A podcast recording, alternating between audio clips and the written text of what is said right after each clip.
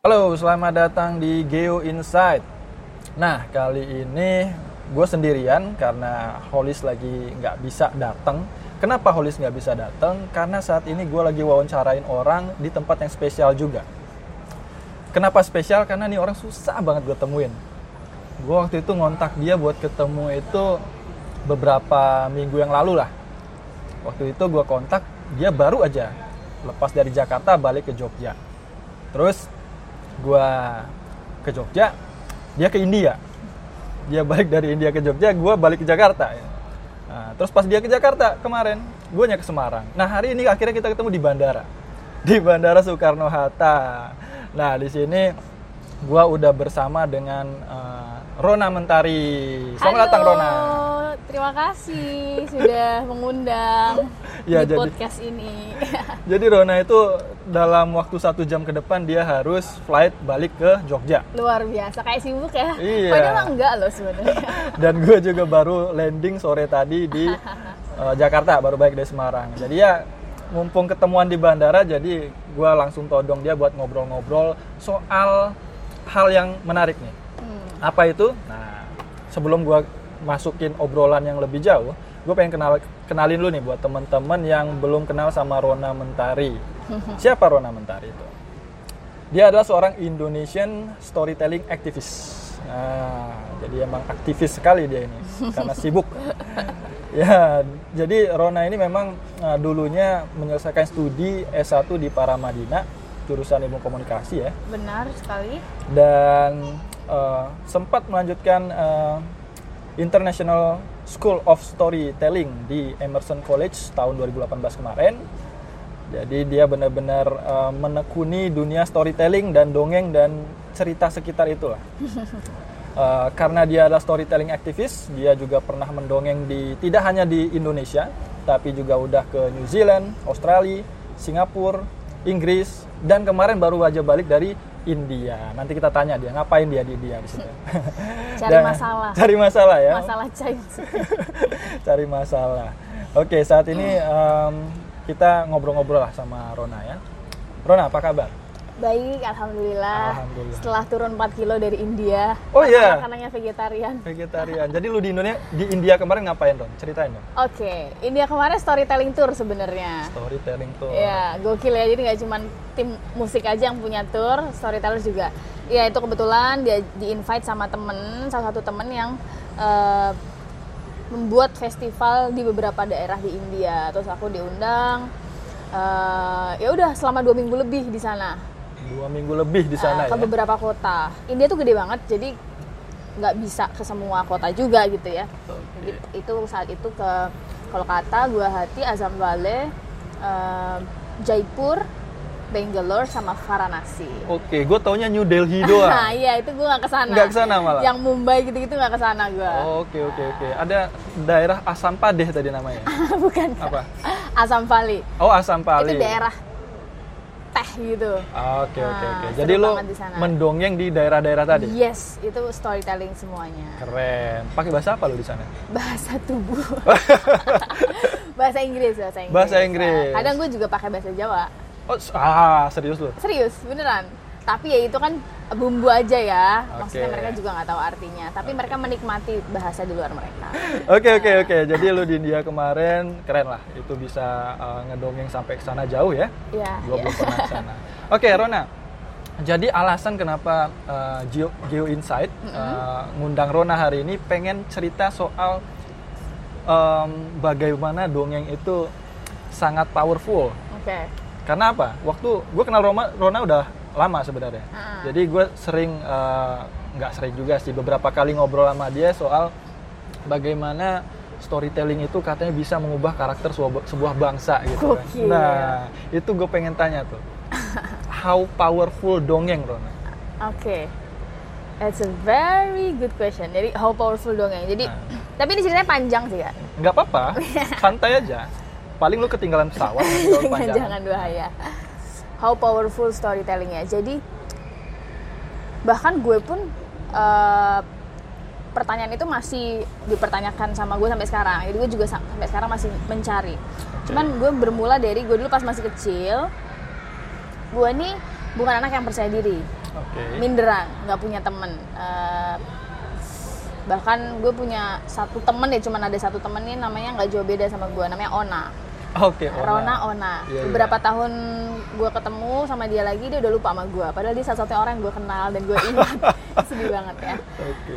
bahkan gue dipanggil eh, jarang banget eh, main di luar. Tapi ada satu momen yang luar biasa yang selalu gue ingat ketika gue masih TK itu adalah ketika guru gue bercerita mendongeng. Jadi gua, guru gue nih gue bisa bilang bahwa salah satu pencerita yang hebat banget. Nah gue seneng banget ketika mendengar cerita eh, dari beliau terus gue pulang ke rumah nih pulang ke rumah seperti kebanyakan eh, orang tua mereka selalu bertanya terutama mama tadi di sekolah ngapain gitu kan Nah, terus gue akan menjawab dengan momen paling menyenangkan selama eh, gue di sekolah yaitu adalah Mendengarkan, mendengarkan cerita. cerita, bener banget. Nah, Oke. gue akan menceritakan ulang. Nah, eh, mama gue ini lalu mendengarkan cerita gue dengan penuh atensi dan eh, perhatian. Padahal beliau lagi nyetrika baju saat itu. Jadi luar biasa eh, atensinya dia ketika mendengarkan. Jadi gue senang ketika gue bercerita karena pendengar pertama gue adalah pendengar terbaik gue yang itu baru sadari gue sadari hari, hari ini. Makanya gue kemudian dari situ mulai tumbuh kepercayaan diri karena bercerita. Lama-lama gue jadi nggak tahu malu. Oke. ya maksudnya makin tumbuh kepercayaan dirinya Iya, iya, iya. eh, karena itu tadi karena cerita itu awalnya. Itu aja bisa mengubah gue yang dari anak yang minder menjadi lebih percaya diri. Oke. Terus gue belajar banyak, gue ketemu sama orang, pengalaman-pengalaman bercerita. Itu bagaimana aktivitas bercerita itu akan mengubah eh, banyak hal. Misalnya, contohnya adalah ketika gue bercerita, gue melihat binar mata anak-anak yang dari yang sedih jadi yang wah seneng gitu dengerinnya. Atau eh, gue melihat mereka bisa berhenti melakukan apa pun karena fokus mendengar ceritanya. Eh, itu itu salah satu apa ya aha momen yang di, didapat ketika gue bercerita. Terus akhirnya ah, ketika perjalanannya sampai sekarang ini ternyata ah, banyak banget manfaatnya. Ternyata dongeng itu disukain sama anak. Kalau disuka kan akan mudah kita menyampaikan nilai-nilai jangan anak-anak kan ibu-ibu juga masih sering bercerita kan eh tahu nggak hari ini itu kan cerita juga Itu julid sih sebenarnya bukan cerita. Iya, tapi itu bagian dari bercerita. Oke, Jadi betul. uh, storytelling kita ngomongin storytelling itu macem-macem. Um, bahkan gue pernah ngedongeng di depan uh, kakek nenek panti jompo, mereka juga masih senang didengarkan Oke. dongeng.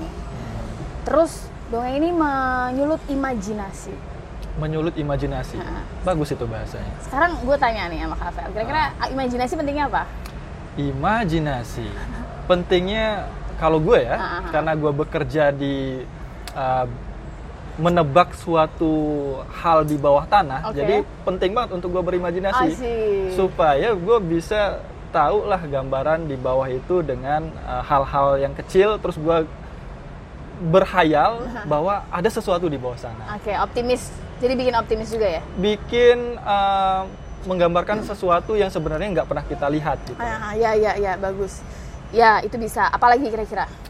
penting imajinasi juga menurut gua dia bisa apa eh, membuat eh, hal yang kita dulunya enggak tahu bisa tercapai tapi itu jadi trigger sih kayak Ya. gua mengimajinasikan one day gua ke wow, Jepang mungkin Ah, gitu kan ya. terus karena imajinasi itu ya gue punya spirit untuk eh, melakukan hal Yes. untuk sana Ya benar, jadi bisa juga berpikir kreatif kan segala macam. Pokoknya penting banget imajinasi ini.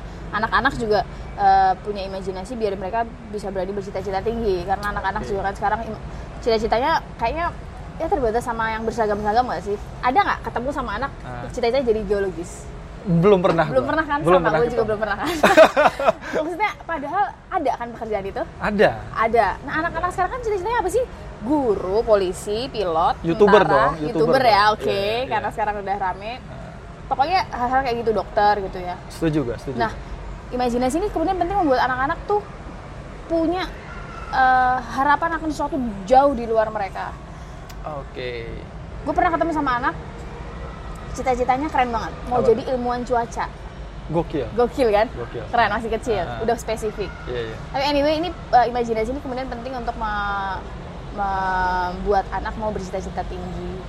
terus uh, membuat seorang penemu bisa menemukan sesuatu hal yang baru. Setuju gue itu. Nah. Uh, penemu telepon siapa? Alexander Graham Bell. Iya, iya, iya. Alexander Graham Bell. Dia nggak akan bikin menemukan telepon kalau dia nggak punya imajinasi akan sebuah uh, benda yang bisa menghubungkan satu sama lain mendengarkan suaranya kayak gitulah. Jadi Iya, iya, iya. kenapa storytelling itu ada hubungannya sama imajinasi? Misalnya gue cerita sama Rafael. Iya. Rafael tadi gue ketemu sama uh, mobil. Mobil ini tuh tiba-tiba dia bisa terbang. Uh, Nah sekarang gue tanya, mobilnya warna apa menurut lo? biru yang kebayang di kepala gue itu aja. Biru. Gue anggap mobilnya warna putih. Oke. Dan ketika misalnya ada Kak Holis di sini, Kak Holis. Oke, nama lu disebut. Saya gue tanya sama orang di luar kita berdua, nanya "E, warnanya apa, itu juga bisa beda. Betul. Nah, itulah hebatnya storytelling. Karena mereka kita yang mendengarkan itu bebas mengimajinasikannya sesuai dengan apa yang difikirkan sama kita. Oh, I see. Sehingga mereka merasa berada di dalam dongeng itu, berada dalam cerita itu, dan eh, senang ketika mendengarkan dan membuat kita menjadi eh, makin apa ya kreatif luas lah ya pandangannya. Beda kalau misalnya kita misalnya aku cerita ada seekor robot kucing namanya Doraemon. Warnanya putih dan Biru. udah jelas karena Betul. ada bentuk visualnya. Betul. Makanya kalau misalnya kita nonton film yang dari novel, kita sering kali kecewa kan. Sering banget. Ah, Nah, karena kita punya imajinasi yang berbeda dengan sutradara. Iya sih. Kalau mau sama ya kita bikin film Sendiri. sendiri. ya hal-hal kayak gitulah. Itu terus apa lagi ya? Eh, eh, mendekatkan ada kedekatan fisik. Kedekatan Oke. fisik ini nggak akan bisa tergantikan kalau orang tua sama anak, Hmm. guru sama murid, kakak sama adik. Oke.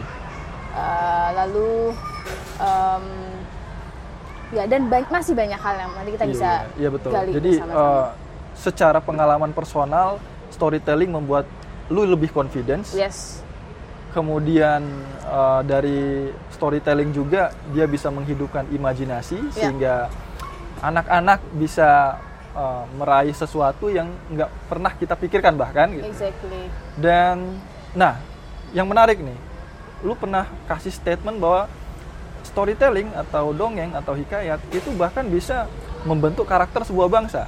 Ya. Nah, itu gimana maksudnya tuh? Ah, ya. Jadi gua suatu hari di diberikan eh, ilmu ya sama dosen gua, dosen antropologi. Rona Oke. baca buku perubahan sosial Hmm. eh, Alvin YSO. Kenapa Pak? Baca aja di situ. Di situ ada penelitian Business Drive and National Achievement dilakukan sama David McClellan. Hmm. Penelitian yang sangat terkenal, udah lama banget. Di situ David McClellan meneliti tentang eh, kebutuhan berprestasi satu negara, Hmm, kekayaan satu negara eh, di Inggris. Oke. Nah, kemudian ada satu kesimpulan yang menarik bahwa sastra anak, Hmm, cerita, kisah eh, yang disampaikan sama anak-anak di suatu negara itu berpengaruh pada kebutuhan berprestasi negara itu di masa depan. Oke. Terus, oh keren banget dong. Iya. Tapi terus gue menggali lagi, emang cerita apa yang di ini, ini, eh, sama Inggris? Inggris itu kan ibaratnya tuh eh, negara penakluk ya. Dia Hmm. banyak menjajah negara-negara lain. Betul. Mau nggak mau kita bisa bilang itu ya. Hmm, Eh, terus kemudian cerita-ceritanya setelah gue gali tuh kayak misalnya gini nih The Dragon and the Knight yang menceritakan tentang seorang kesatria yang bisa melawan naga besar Naga. Oke. kemudian Tom Thumb seorang anak kecil sebesar jari jempol yang bisa melakukan banyak hal Oke. jadi uh ternyata berpengaruh ya dan kita menyadari itu itu ada penelitiannya Oke. jadi makanya gue bilang bahwa storytelling ini bisa kemudian menjadi eh, pembentuk karakter seseorang bahkan sebuah bangsa ketika kita menyampaikannya secara luas, masif dan eh, bersama-sama. Oke oke oke. Jadi eh, ya walaupun mungkin tidak hanya satu faktor yang membentuk Inggris itu Setuju, ya, itu jelas. jadi negara penakluk, tapi salah satu faktor yang sudah di- dilakukan kajiannya itu ternyata dari eh, cerita-cerita yang eh, berkembang di situ. Nah, menarik juga ternyata pas Rona pernah cerita soal dongeng di Indonesia itu ternyata enggak eh, seperti yang ada di Inggris di sini lebih baik dongeng-dongeng yang membuat anak-anaknya tidak menjadi eh, bangsa penakluk kayak gitu kan nah itu coba dong kasih eh, Rona kasih hal yang bisa meluruskan itu kayak gimana tuh?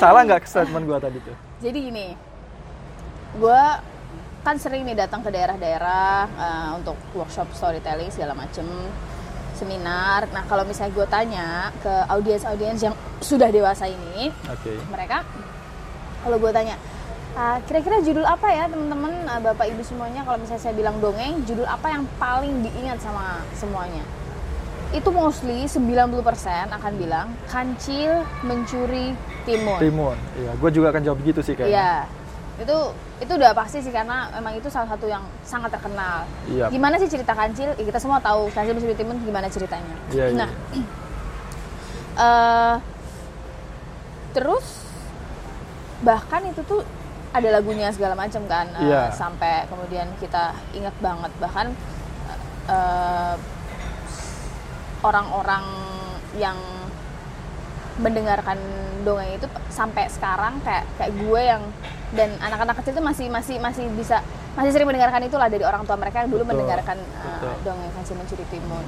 Nah, gue khawatir nih jangan-jangan koruptor zaman sekarang dulu didongengin sama dongeng kancil mencuri timun. oke Nah, tapi penelitian ini belum pernah ada. belum pernah ada ya belum Pak? pernah ada. Jadi ini kayak cuma kekhawatiran gue aja nih jangan-jangan. Jangan-jangan. Pen- pengen sih bikin penelitiannya karena gini kita sebagai pendongeng kita tahu bahwa cerita kancil itu banyak sekali ratusan kitab kancil itu banyak betul tapi kita juga heran kenapa yang terkenal yang judulnya mencuri mencuri timun Nah, tapi kita nggak bisa memungkiri bahwa dongeng kancil mencuri timun itu juga eh, me- mengandung kecendekiawanan seorang eh, seekor kancil, gitu. Kancil, iya. Jadi kita nggak bisa ngeliat dari satu sisi aja. betul Eh, cuman ya ini kayak ah jangan-jangan nih Iya, jangan-jangan iya, iya. gitu drink Berarti drink aja ada ada kecurigaan ah kecurigaan, kecurigaan kayak gue perlu bikin penelitian ya Oke, biar oke, confirm oke, atau enggak gitu, Iya, misalnya. Iya, tapi tapi make sense sih menurut gua karena karena ada sebuah fakta di di eh, Inggris sana sudah iya, ada pengkajian.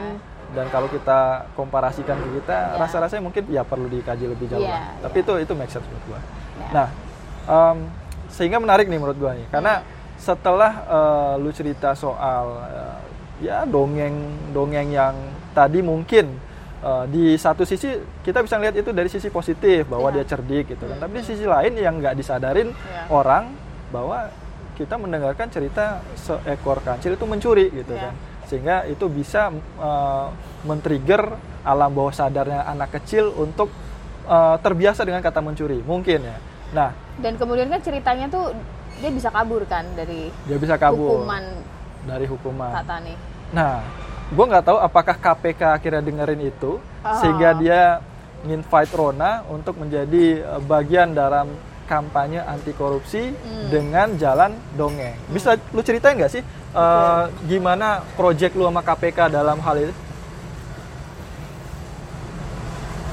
Oke, jadi eh, KPK ini ada dua divisi, penindakan sama pencegahan. Hmm, Penindakan eh, jelas-jelas yang nangkep nangkepin orang, Betul. eh, nyidik dan segala macam. Pencegahan ini adalah gimana eh, KPK berusaha untuk tidak ada kasus korupsi, termasuk mencegahnya dari hal yang bawah banget yaitu lewat anak-anak. Anak-anak, Nah, oke. KPK ini sudah sadar di awal bahwa storytelling bisa menjadi bagian dari pencegahan anti korupsi itu. Oke. Kan ada sembilan nilai itu anti korupsi, ada jujur, peduli, mandiri dan seterusnya. Nilai Yap. yang sederhana lah, Betul, yang betul. sebenarnya itu universal dan ketika itu ditanamkan ke anak-anak ya itu bagus banget gitu, nggak ada salahnya, nggak ada Hmm. kata-kata korupsi lah di Oke. di dongeng-dongeng itu. Nah kemudian eh, gua ikut salah satu kegiatannya KPK Hmm. eh, tahun 2012 pak udah lama banget deh kayaknya Oh ya udah pas lama. masih Gue kuliah masih SD kayaknya. terus eh, dari situ karena kan gue udah lama juga sebelum itu mendongeng ya Iya, jadi nggak nggak karena itu jadi Iya. eh, akhirnya mereka sering kemudian kita kolaborasi untuk melakukan kegiatan pencegahan anti korupsi ini melalui storytelling Oke. dan kebetulan gue juga eh, tergabung di salah satu penyuluh anti korupsi Oh gitu. bersertifikasi yang khusus untuk anak-anak. Oh khusus anak-anak. Iya, khusus anak-anak sama Oke. young lah, ya apa youth ya, jadi anak-anak remaja.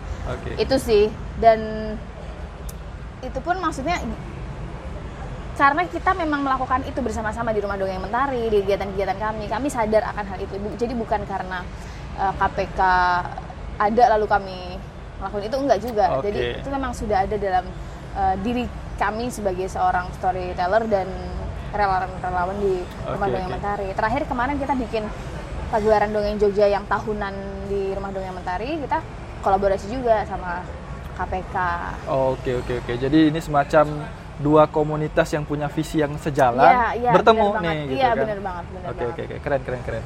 Jadi gue sih salut ya eh, ternyata KPK eh, punya tim pencegahan juga nih diban- eh, tidak hanya penangkapan gitu kan. Iya. Dan pencegahannya bahkan dari anak kecil nih gitu kan. Benar. Sejak 2012 sudah mulai eh, ngelihat ada potensi untuk kita menceriusi itu. Iya. Kayaknya udah mulai sukses sih Ron karena gue nggak pernah lihat berita penangkapan KPK lagi. Mungkin sudah sadar semua koruptornya. masa sih Oke oke kita skip soal itu. Eh, berikutnya nih, jadi eh, karena lu wawanc- wawancarain di Geo Insight, jadi ada yang menarik nih.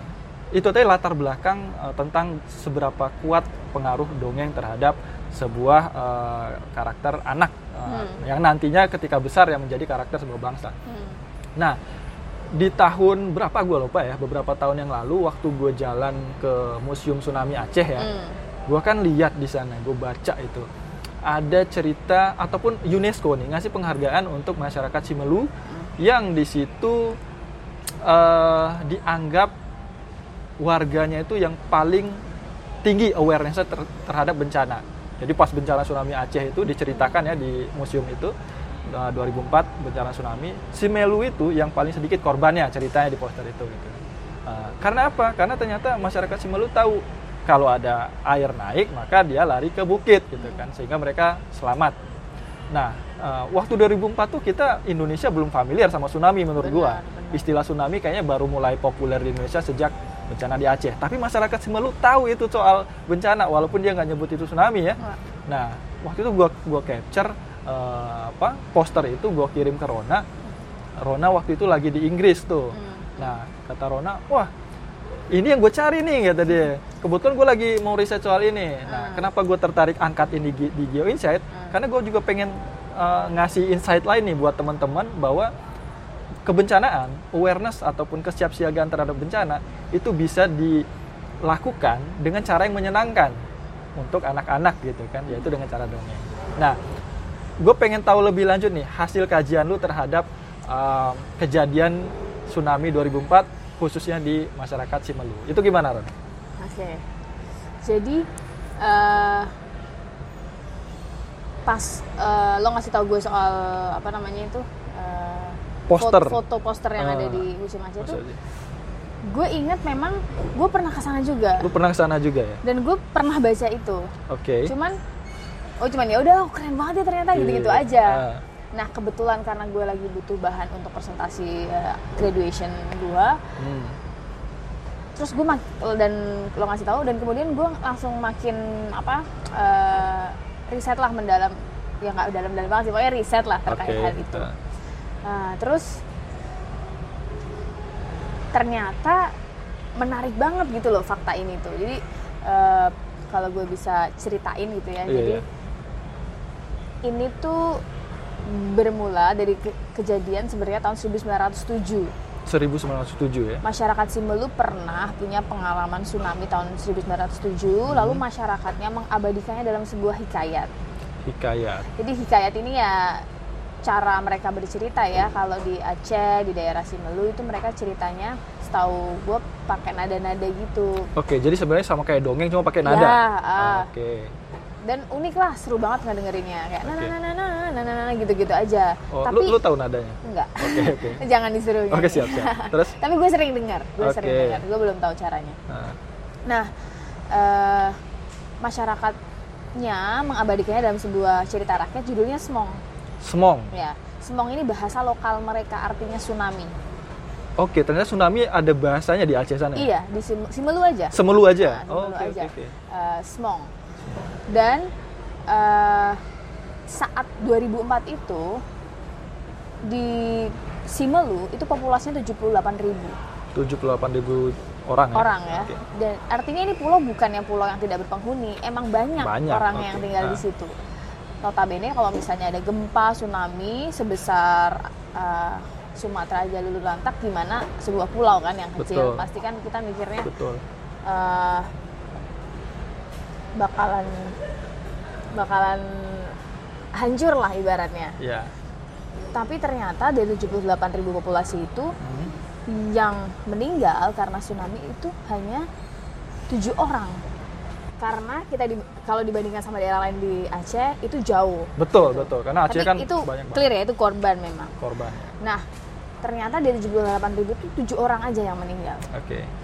Terus eh, setelah di eh, kaji setelah di karena kan setelah kejadian itu banyak NGO internasional datang lah Ya, segala macam kan. Ah. Ternyata karena cerita Smong tadi yang isinya Ah. adalah bagaimana ciri-ciri tsunami, bagaimana cara menyelamatkan diri bila ada tsunami, serta kalimat-kalimat indah yang membuat setiap orang yang mendengarkan itu menyadari bahwa gempa dan tsunami itu adalah fenomena alam yang biasa terjadi. Oke. Karena kalimatnya tuh kayak gini kak contohnya. gimana tuh? Eh, tsunami, air tsunami, ombak adalah air mandi kita. Gempa adalah ayunan kita. Halilintar adalah kendang, apa drum ya, drum kita. Dan eh, petir adalah lentera kita. Oke. Nah, jadi kalimat-kalimat positif gitu loh Oke. kalau misalnya di Aceh yang gue tahu ketika kejadian itu kan banyak yang panik sehingga membuat masyarakat eh, makin kalau panik kan kalau dalam Betul. siap siaga bencana kan Betul, akan betul. makin berbahaya Iya, kan Makin lupa apa yang harus Iya dilakukan. benar Nah, dan mereka ketika air eh, pantai surut kan malah ke pantai buat ngambil ikan padahal itu adalah Betul. salah satu ciri-ciri untuk mau ada tsunami, Betul. jadi hal seperti itu udah diketahui sama masyarakat Simelu Oke. lewat cerita turun temurun itu loh. Sa- dari 1907 kan, berarti hampir 100 tahun cerita 100 itu tahun secara oral, lebih, secara iya. eh, mulut ke mulut itu disampaikan gitu dan mereka dapat penghargaan internasional, International Strategic of Disaster Reduction Award karena dunia mengakui bahwa cerita Smong ini menyelamatkan banyak nyawa dari tsunami. Oke. Dan Semong ini tuh gue belum pernah ke Simelu, Hmm. cuman gue punya teman orang Simelu dan gue pernah bertemu sama orang yang udah sering ke sana. Oke. Jadi Semong ini tuh udah kayak kalau misalnya ada uh, gempa atau ciri tsunami, mereka akan teriak-teriak Semong, Semong, Semong gitu loh. Jadi udah Oh. kayak kalau di Jawa tuh kayak lindu, lindu, lindu gitu. Aku nggak ngerti juga sih ini. Lindu itu maksudnya apa kalau di Jawa? Lindo tuh bukannya yang hantu-hantu gitu nggak sih? Gak tahu kak. Bukan ya? Oke oke. Ah, Nggak tahu, nggak tahu. Oke. Cuman itu kayak kalimat yang udah otomatis gitu loh Ah. disampaikan. Iya iya iya. iya. Aku wondering banget sih sa- seperti apa kejadian saat itu gitu. Oke oke oke. Semoga iya. gue kesempatan di tahun depan ke sana. Iya, ya mungkin eh, kesempatan menarik ya. Eh, Pak Wisnu mungkin yang dari BNPB kemarin bisa mensponsori. Halo Pak Wisnu, gimana kalau kita mulai kegiatan ini di Sumelu? Iya iya iya. Jadi ya, gue gue ngebayangin gini sih. Waktu masih kecil, yang sering turun temurun cerita yang datang ke telinga gue adalah kalau maghrib lu nggak pulang, nanti lu diculik Hmm. Mak Somai. Mak Somai itu semacam hantu lokal lah, Ah, yang itu oke. seremnya minta ampun gitu Nah, kan. itu itu dari mana tuh? Eh, ya turun temurun aja Ah, oke. di Bengkulu itu ya. Kenapa namanya Soma ya? Mak Somai, gue Oh, nggak iya, ngerti oke. juga tuh. Sampai hari ini pun gue inget gitu kan Oke. nama hantu itu, Ah. saking melekatnya cerita. Tapi yang diceritakan lebih tentang ketakutannya. Hmm. Eh, pesan bahwa ketika maghrib lu nggak boleh main di luar, lu balik ke Hmm. rumah. Kalau nggak pas gelap lu lewat sana diculik Mak Somai gitu kan. Iya. Ya mungkin semong dengan cara yang lebih positif ketika ada pertanda-pertanda tadi orang akan teriak semong semong semong gitu kan. Iya. Iya, itu itu menarik banget. Hmm. Dan kenapa itu menarik untuk kita share ke teman-teman uh, Geo Insight karena memang terakhir beberapa episode lalu kita ngobrol sama uh, Pak Wisnu dari BNPB dia cerita tuh tentang bagaimana usaha BNPB dalam melakukan risk reduction terhadap uh, potensi bencana gitu kan termasuk juga penyuluhannya bahkan ternyata ada nih Ron hari kesiapsiagaan bencana tuh. Oh iya. Hari apa kak? Tanggal 21 April atau apa? Gue lupa Ah. lah gitu. 21 April sih Kartini ya. Iya, Biasanya iya. nggak mungkin bareng sih kita. Oke oke, nggak tahu, kayaknya gue gue gue perlu cek. 22 Ah. April itu Hari Bumi. Tapi nanti gue gue cek lagi deh.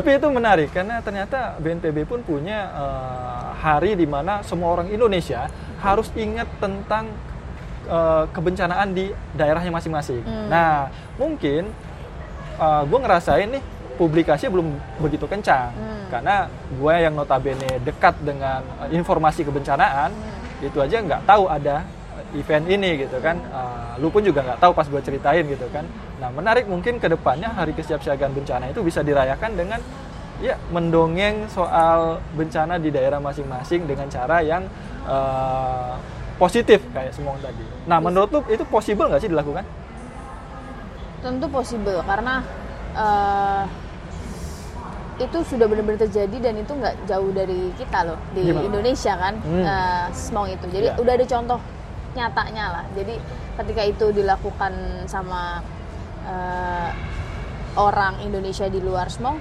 tentu bisa jadi alat yang luar biasa untuk mitigasi bencana. Tapi ya gue pikir eh, itu kayak kembali ke eh, kan setiap daerah tuh punya potensi, Potensi bencana, yang bencana berbeda-beda. beda-beda kan. betul sekali Dan cara bercerita yang berbeda-beda juga.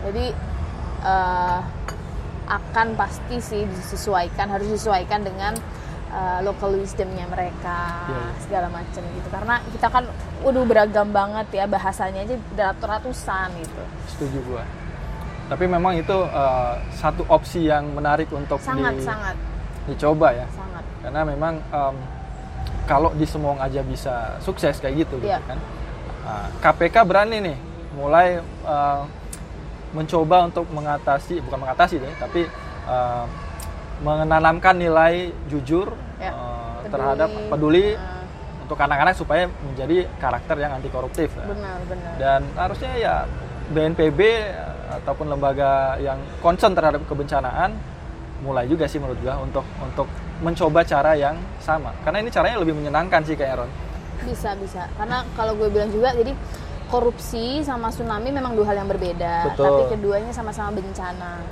Setuju. Korupsi bencana, tsunami bencana, gempa, Gempa. segala macam juga bencana. Kalau satu cerita rakyat aja bisa menyelamatkan banyak nyawa dari tsunami, maka kita juga bisa memanfaatkan cerita itu untuk menyelamatkan masa depan bangsa kita dari sifat-sifat anti eh, sifat-sifat koruptif dan menyelamatkan bangsa kita dari eh, korban-korban yang berjatuhan ketika ada bencana di masa depan.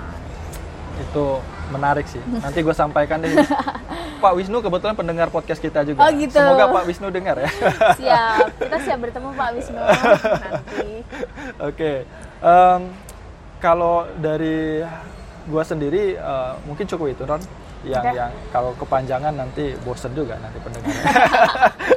Terakhir nih sebagai penutup, lu ada yang mau disampaikan nggak tentang eh, aktivitas lu RDM atau festival dongeng apa gitu yang terdekat yang bisa diinfokan ke teman-teman? Eh, apa ya? Kalau untuk kegiatan kita silahkan follow, mohon follow gitu ya.